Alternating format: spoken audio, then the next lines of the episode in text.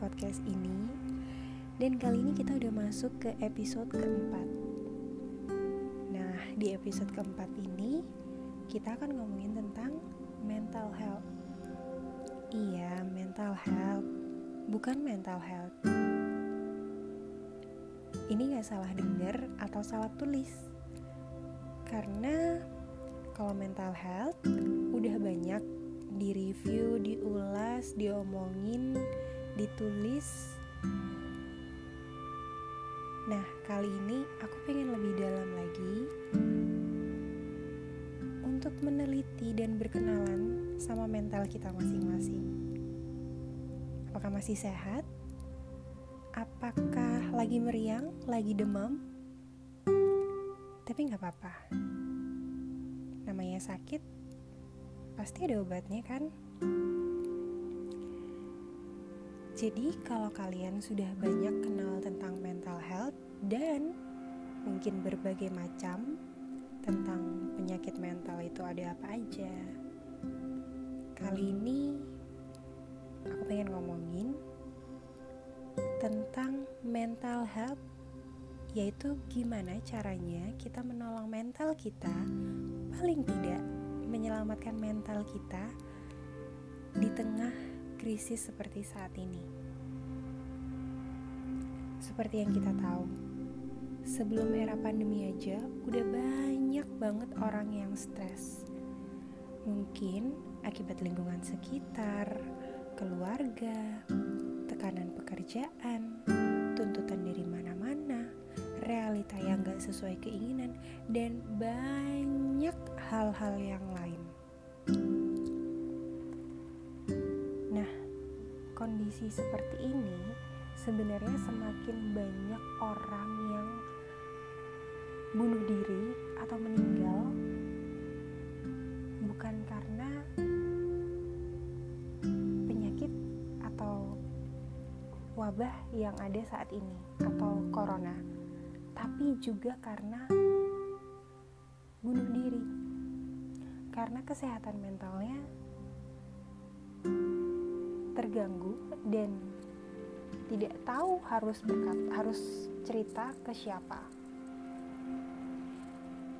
Gak punya orang buat sharing, buat berkeluh kesah, kemudian overthinking, dan mencoba menyelesaikan masalahnya sendiri. Ketika semuanya sudah rumit, udah kayak benang ruwet,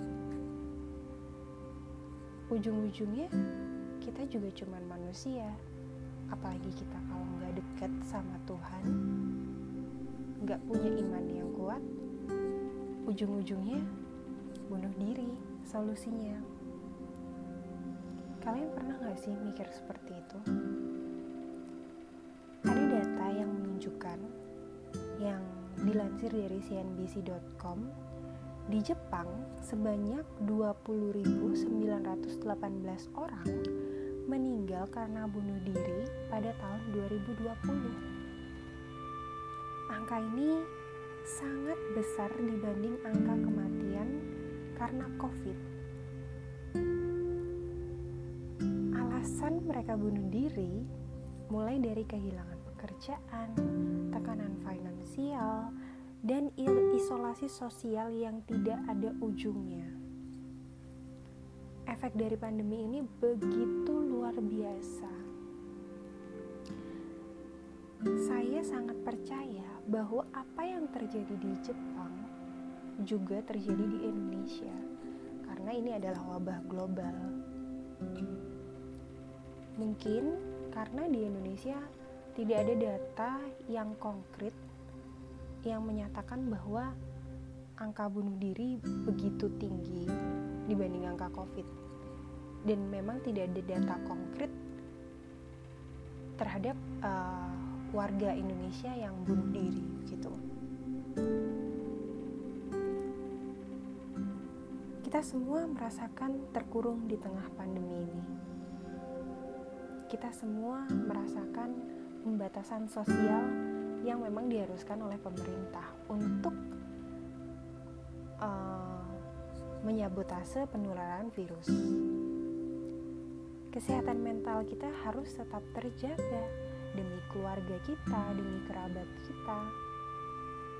Ya mungkin memang kita harus mengubah perspektif tentang apa itu kebahagiaan. Kalau dulu kebahagiaan kita adalah berkumpul dengan keluarga, mungkin kita sekarang harus merubahnya untuk membatasi bertemu dengan orang lain, membatasi interaksi sosial terhadap orang lain demi tercipta demi terciptanya herd immunity.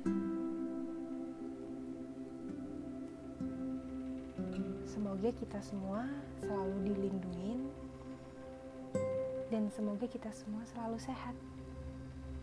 Stay wide awake and stay healthy.